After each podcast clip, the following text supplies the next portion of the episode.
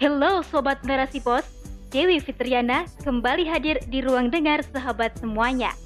Saya akan membawakan rubrik opini karya dari Iranti Mantasari yang berjudul Algoritma Kurasi, Globalisasi, dan Moderasi di Era Post-Truth.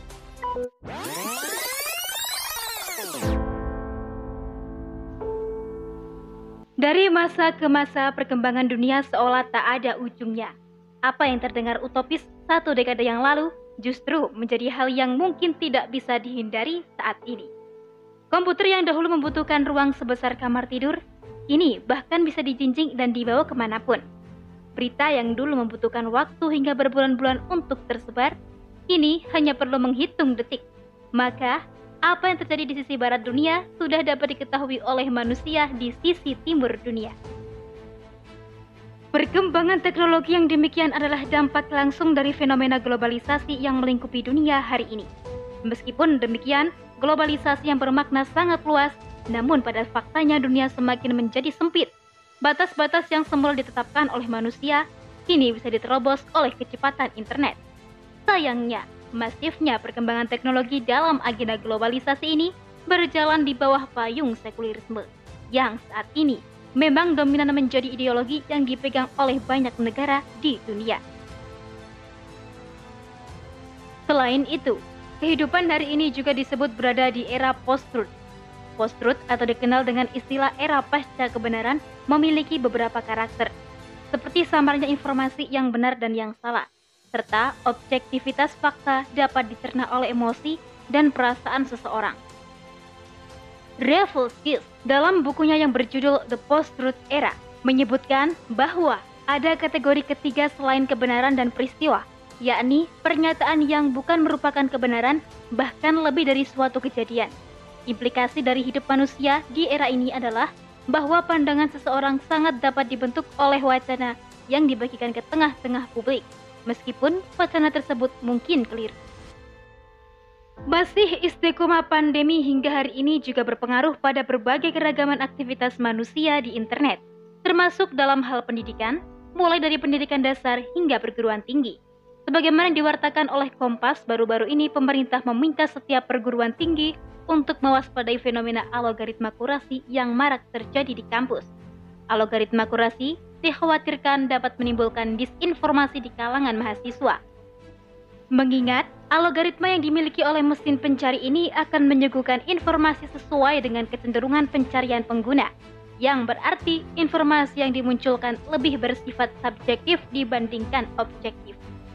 Selain itu, Wapres Ma'ruf Amin menyampaikan bahwa algoritma kurasi dapat membuat orang atau kelompok informasi yang dipasok oleh kelompoknya sendiri sebagai kebenaran. Hal ini dikhawatirkan akan dapat memperbesar celah perpecahan dan keterbelahan dalam tubuh bangsa. Di atas dasar tersebut, pemerintah merekomendasikan kepada pihak ketiga untuk menangkal potensi kerusakan yang dapat ditimbulkan oleh kurasi agar para mahasiswa pendidikan tetap mengacu pada Pancasila dan bernalar kritis. Harapannya, bekalnya mahasiswa dengan pendidikan karakter berkebangsaan ini mahasiswa bisa lebih toleran dan mampu menangkal nilai-nilai yang bertentangan dengan Pancasila. Masalah dari rekomendasi tersebut adalah definisi mana Pancasila yang dijadikan pegangan jika yang dimaksud nilai-nilai Pancasilais adalah sebagaimana yang diarus utamakan beberapa tahun terakhir, seperti membenarkan pluralisme serta moderasi beragama dan menolak wacana pelaksanaan syariat dalam kehidupan. Maka, rekomendasi tersebut dapat dikatakan salah alamat alias tidak koheren dengan problematika teknologi yang dikhawatirkan. Di sisi lain, Islam memiliki aturan untuk menciptakan generasi yang kritis dan istiqomah memegang teguh kebenaran di tengah derasnya arus informasi digital, yakni dengan pembinaan akliyah atau pola pikir dan nafsiyah secara insentif dan secara menyeluruh terbentuk tazkiyah Islamiyah atau kepribadian yang islami. Kepribadian islami inilah yang akan mampu menjaga pribadi muslim dari terjerembab dalam berbagai macam. Karena pemikiran dan sikapnya dilandaskan hanya pada Islam semata. Dengan kepribadian islami, seseorang muslim akan mampu membedakan mana yang benar dan yang salah. Baik itu di mata Allah subhanahu wa ta'ala maupun di mata sesama manusia. Dapat berlaku adil kepada orang lain hingga tidak mudah terjerumus pada hoaks dan informasi yang menyesatkan karena Islam mengajarkan tabayun atau klarifikasi berita yang didapatkan.